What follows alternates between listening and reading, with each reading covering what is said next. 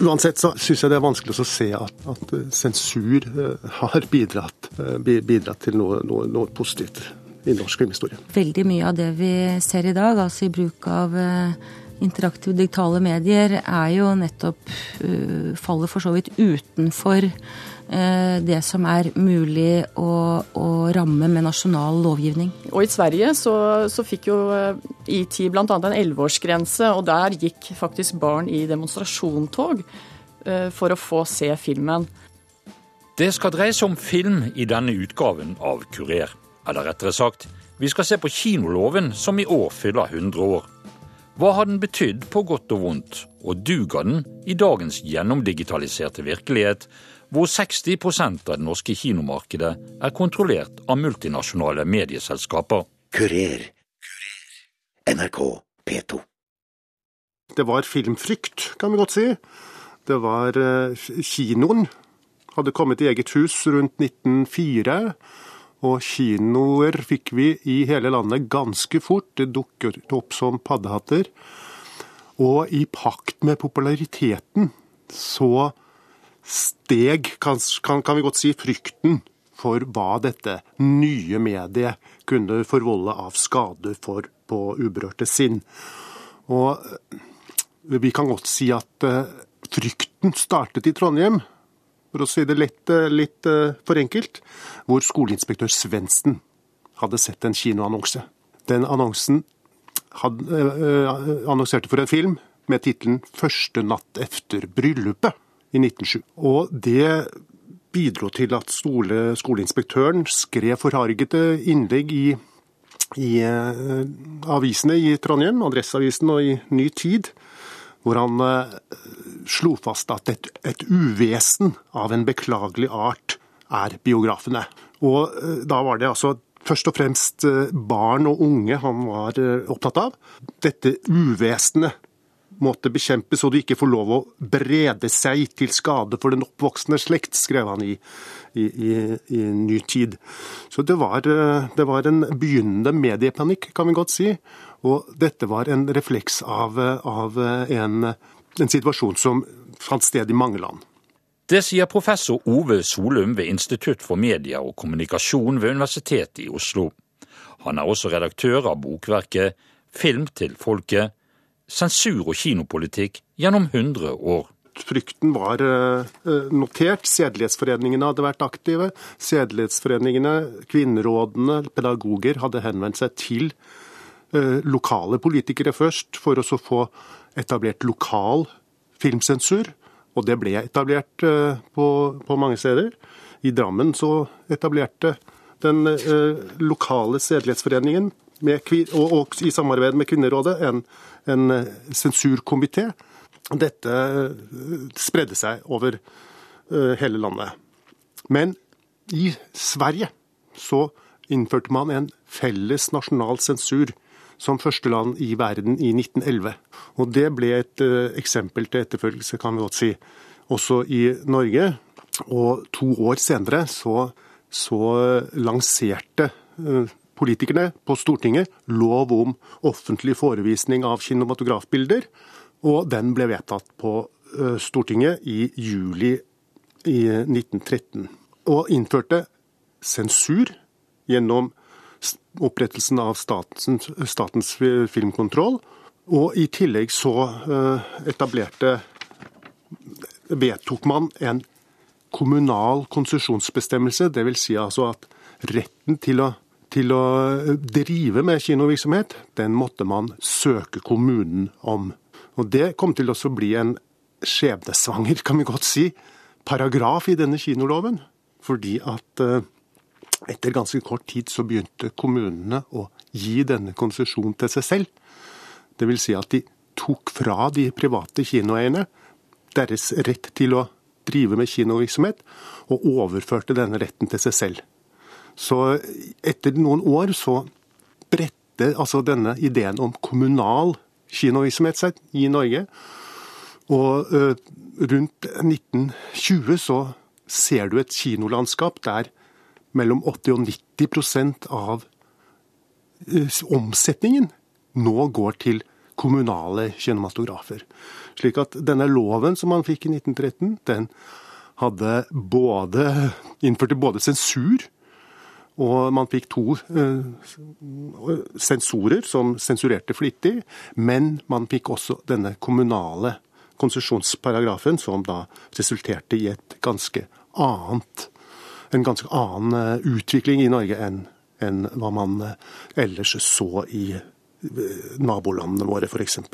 De sakkyndige må ikke godkjenne bilder hvis forevisning de mener ville stride mot lov eller krenke ærbarhet eller virke forrådende eller moralsk nedbrytende. Andre bilder må de ikke nekte at godkjenne. Lov om offentlig forevisning av kinomatografbilder 25.07.1913. Til å begynne med så var det ikke en delt sensur. Det betød at de filmene som skulle godkjennes, måtte godkjennes for alle publikumsgrupper. Så på en måte så kan man si at publikum ble behandlet som om de var barn. I 1921 så fikk man innført denne første aldersdelte sensurbestemmelsen med, med en egen 16-årsgrense for, for uh, voksenfilm. Og dette har jo da blitt uh, nyansert og utviklet uh, fram til i dag, hvor hvor man har ulike aldersgrupper og anbefaler filmer til ulike, ulike aldersgrupper. Men voksensensuren, den, den har opphørt, rett og slett, nå. Tidligere har det dessverre vært slik at våre filmfagfolk de ble trengt til side av politikere av forskjellige avskygninger. Og disse politikerne har etter min mening vanskjøttet vår nasjonale filmindustri mens de på alle mulige måter har begunstiget importen av f.eks. amerikanske filmer. Det sier seg selv at med dette systemet må det nå være slutt. Filmvirksomheten i dette land bør ledes av filmfolk. Denne stemmen tilhører Leif Sinding, som under okkupasjonen virket som såkalt riksfilmdirektør.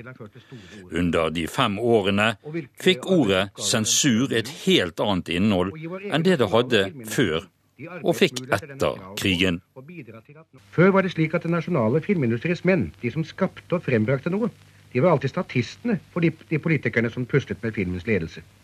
Nei, da var filmimportørene, og da særlig de amerikanske filmagentene som tappet landet for millioner av kroner, noe ganske annet i kar.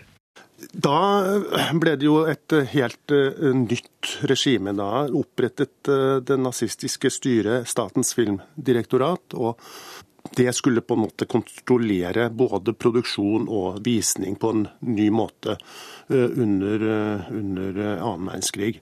Så da fikk man en, en, en, helt ny ordning. Man fikk ikke avvikla de kommunale kinematografene, selv om det sto høyt på ønskelista for de som gikk inn i disse nye rollene. Men man fikk altså et statlig filmdirektorat som kontrollerte produksjon og skulle godkjenne forhåndgodkjenne godkjenne manuskripter, og, og, også godkjenne filmer for, for, visning. Så under krigen så hadde man et nytt, et annet, øh, et annet regime enn det som da hadde blitt utvikla ellers. Øh, dette, de kommunale institusjonene og den statlige filmkontrollen ble gjenoppretta umiddelbart etter krigs, eh, krigen var ferdig. Og, og, eh, man fikk eh, en situasjon som var maken til den som eksisterte før krigsutbruddet. Så langt professor Ove Solum. I Fredrikstad ligger Statens medietilsyn, som blant sine mange gjøremål også har tatt over Statens filmtilsynsoppgaver. Seniorkonsulent Berit Andersen sier filmsensuren først og fremst har vært til for barn.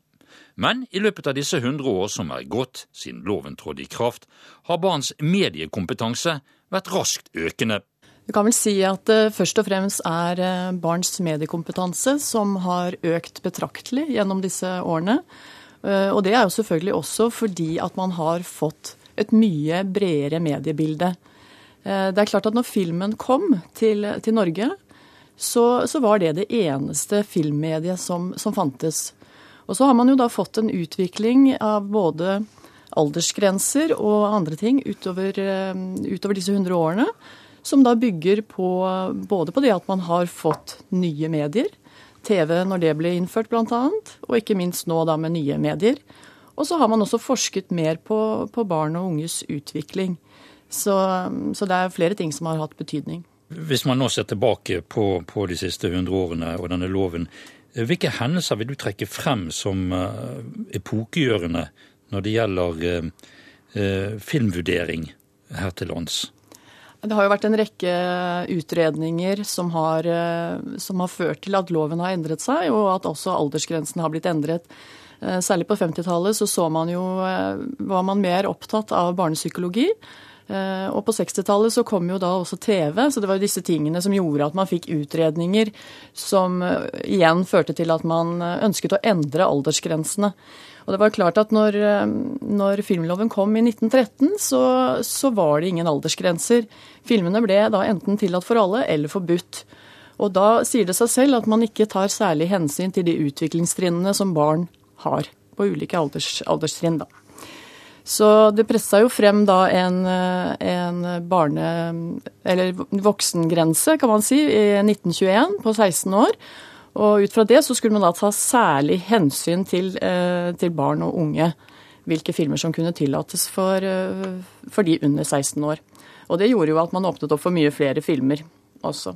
Det har jo vært debatt tidligere, så har det jo vært særlig debatt rundt filmer som har blitt forbudt for voksne. Eh, men det som kanskje er interessant å trekke frem, er jo også filmer som da har eh, skapt debatt i media i forhold til kanskje for høy eller for lav aldersgrense i forhold til barnegrensene. Eh, man kan jo tenke seg allerede i 1938 så ble jo f.eks. 'Snehvit og de syv dverger' ble jo klippet ned for at den ikke skulle få en 16-årsgrense, men da bli tillatt for alle isteden. Det er ett eksempel. Eh, jeg kan jo nevne også når ET kom i 1982. Så, så fikk den en tolvårsgrense, for da hadde vi tolvårsgrense i Norge. Eh, det vakte også litt eh, debatt, fordi at dette var jo en barnefilm. Og den var jo en utrolig populær film i veldig mange land.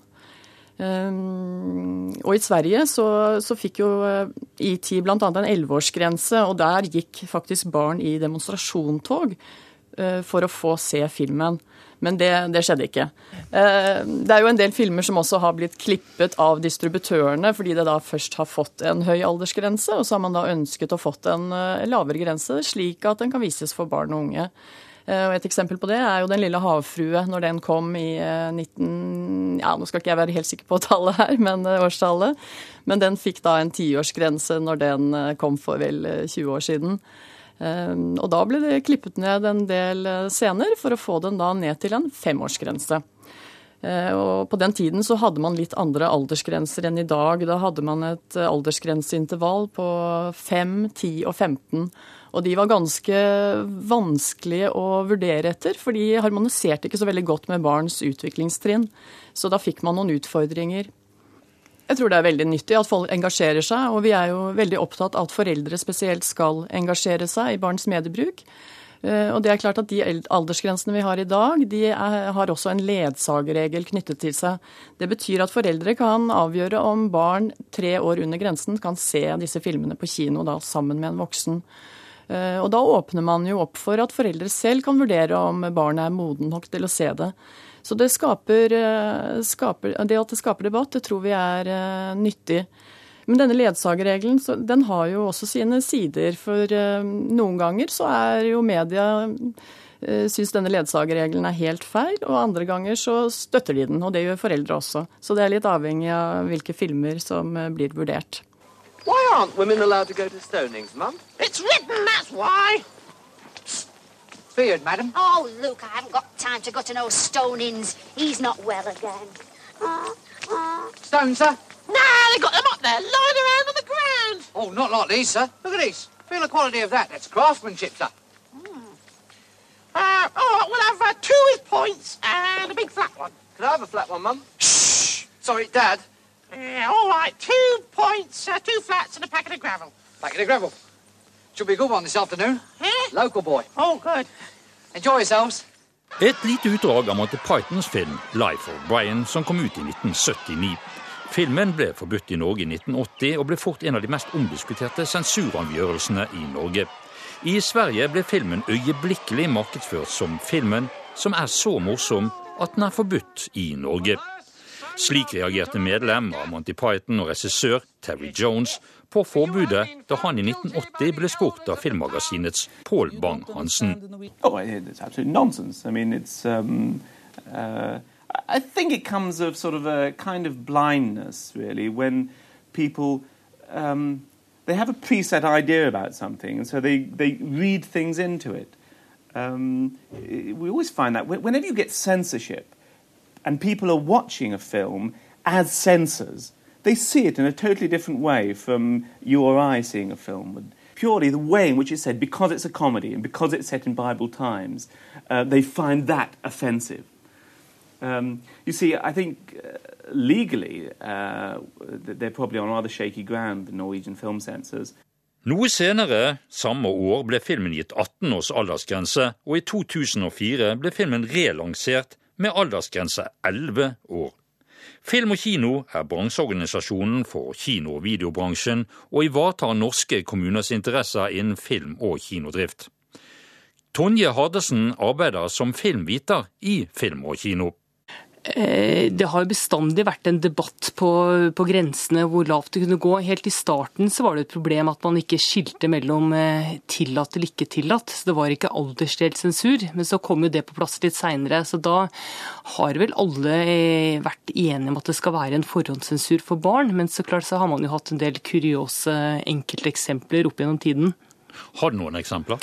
Ja, du har hatt alt fra politisk sensur ved panserkrysseren Potemkin, som ble eh, laget av Sovjetunionen, som ble forbudt i Norge, til litt mer ekstremt latterlig, hvor Life of Brian ble forbudt av religiøse eller mer moralske anfektelser.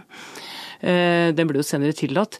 Ingmar Bergmanns film eh, ble forbudt for at de var for, eh, for sexy, så der dro jo folk til Sverige for å se litt nakne kvinner, men også ganske mye heavy, tung materie med på kjøpet. Så kort sagt kan man jo si at alle sensuravgjørelser i ettertid virker jo litt merkelige. Er det noe debatt rundt noen av disse avgjørelsene som, som du har hengt opp litt i?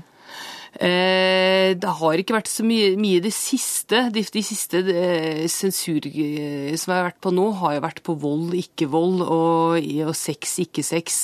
Og det er klart at eh, vi fikk jo en klagenevn på, på på helt på slutten av 90-tallet, 2000-tallet, som gjorde at man kunne få omgjort ting. Sånn som 'Sansenes rike', en japansk klassiker, ble opprinnelig forbudt på kino i Norge helt opp i moderne tid. Dette sexstempelet, har det vært eh, en veldig avgjørende ting når det gjelder sensur? Jeg, jeg, tror ikke sexstempelet har vært så veldig viktig. Det har vært noe der, men, men eh, det har vel hovedsakelig vært vold vi har slått ned på i Skandinavia. Eh, også rus. En av de også kuriøse eksemplene var når eh, en svensk dokumentarfilm om, eh, om, rusmisbruk, eh, 'Et anstendig liv', ble også forbudt i Norge. Men noen år senere siktet den på skolekino for å advare folk mot farene ved rus. Så det har vært noen ting der, men, men Eh, vi har jo hatt en ganske streng pornolov som har gått på siden av, av kinoloven. Vanlig sensur. Så den har på en måte tatt det meste der. Men nå har jo den også blitt eh, Man har også sluppet del fri, så nå kan man jo kjøpe pornofilmer på, på DVD-er eh, og over nett i Norge også. Det har vel aldri vært noe marked for rene pornokinoer i Norge uansett, vil jeg tro. Men, men, i forhold til våre naboland Sverige og, og Danmark, Eh, så har vel eh, dette med å slå ring om bluferdigheten vært ganske så langt fremme i, i Norge i forhold til de to andre landene. Ja, det har den jo vært. Eh, absolutt. Vi har jo hatt en langt strengere eh, sensur på, på dette her. Men, men, eh, vi ser at i den siste tiden så har vi på en måte kommet etter. Du har jo sånn som Bergmanns eksempel, som da ikke ble tillatt. Og også Nyfiken gul, som var et mer kunstferdig blikk på nakenhet og seksualitet, ble jo stoppet i Norge mens den ble produsert nettopp i nabolandene våre. Så klart, vi har jo ikke hatt den norske synden. Det kan vi ikke vi skryte av. Hvor viktig har denne, denne loven vært gjennom disse hundre årene som eh, vi år markerer? Jeg vil nesten si at det aller viktigste aspektet ved loven har vært det kommunale kinosystemet. Fordi at det ga Norge en, eh, et, et helt unikt system som gjør at vi fortsatt en dag i dag har kommunale kinoer, og ikke minst kinoer, da, over hele landet. Og, og, at vi ikke har et skille mellom kunstfilm og blockbusterfilm, men at det norske publikum er vant til å se filmer på samme sted. Og Det har gjort at eh, vi har et publikum i Norge som ser mye mer forskjellig type film enn det de gjør i resten av Europa f.eks. Og så ser man jo at sensurloven har, har på en måte fulgt tidens tann hele tiden. Og nå sist så jo, blir, den, blir film mer sidestilt med andre uttrykk ved at at foreldre selv skal få mer å si overfor barna hvor de skal se det, og at, eh, at disse absolutte grensene forsvinner. Sa filmviter Tonje Hardesen i Film og kino. Professor Ove Solum er enig i at loven som har sikret de kommunale kinoene drift, har vært svært viktig. Og denne kommunale, offentlige modellen den har på mange måter eh, gjort sitt etter hvert til at eh, man fikk et ganske bra filmtilbud i dette landet. Man kan se at, eh, at eh, de offentlige kinoene de så også et slags eh, et, et visst, kan vi godt si, samfunnsansvar for å bibringe smal film en plass på, på lerretene. Og, og, det kan man se hvis man undersøker, undersøker hvordan denne, disse offentlige kinoene har, har bedrevet sin virksomhet. Og det som er interessant nå, når vi markerer 100-årsjubileet, eller 100, års, 100 år med, med, kinolov, så skjer jo det i et år hvor denne kommunale modellen den er på vei til å muligens avvikles. Eh, jeg nevnte i sted at 80-90 av, av eh, kinoomsetningen historisk sett har gått til kommunale kinoer i, i Norge. I dag så er det snudd på hodet.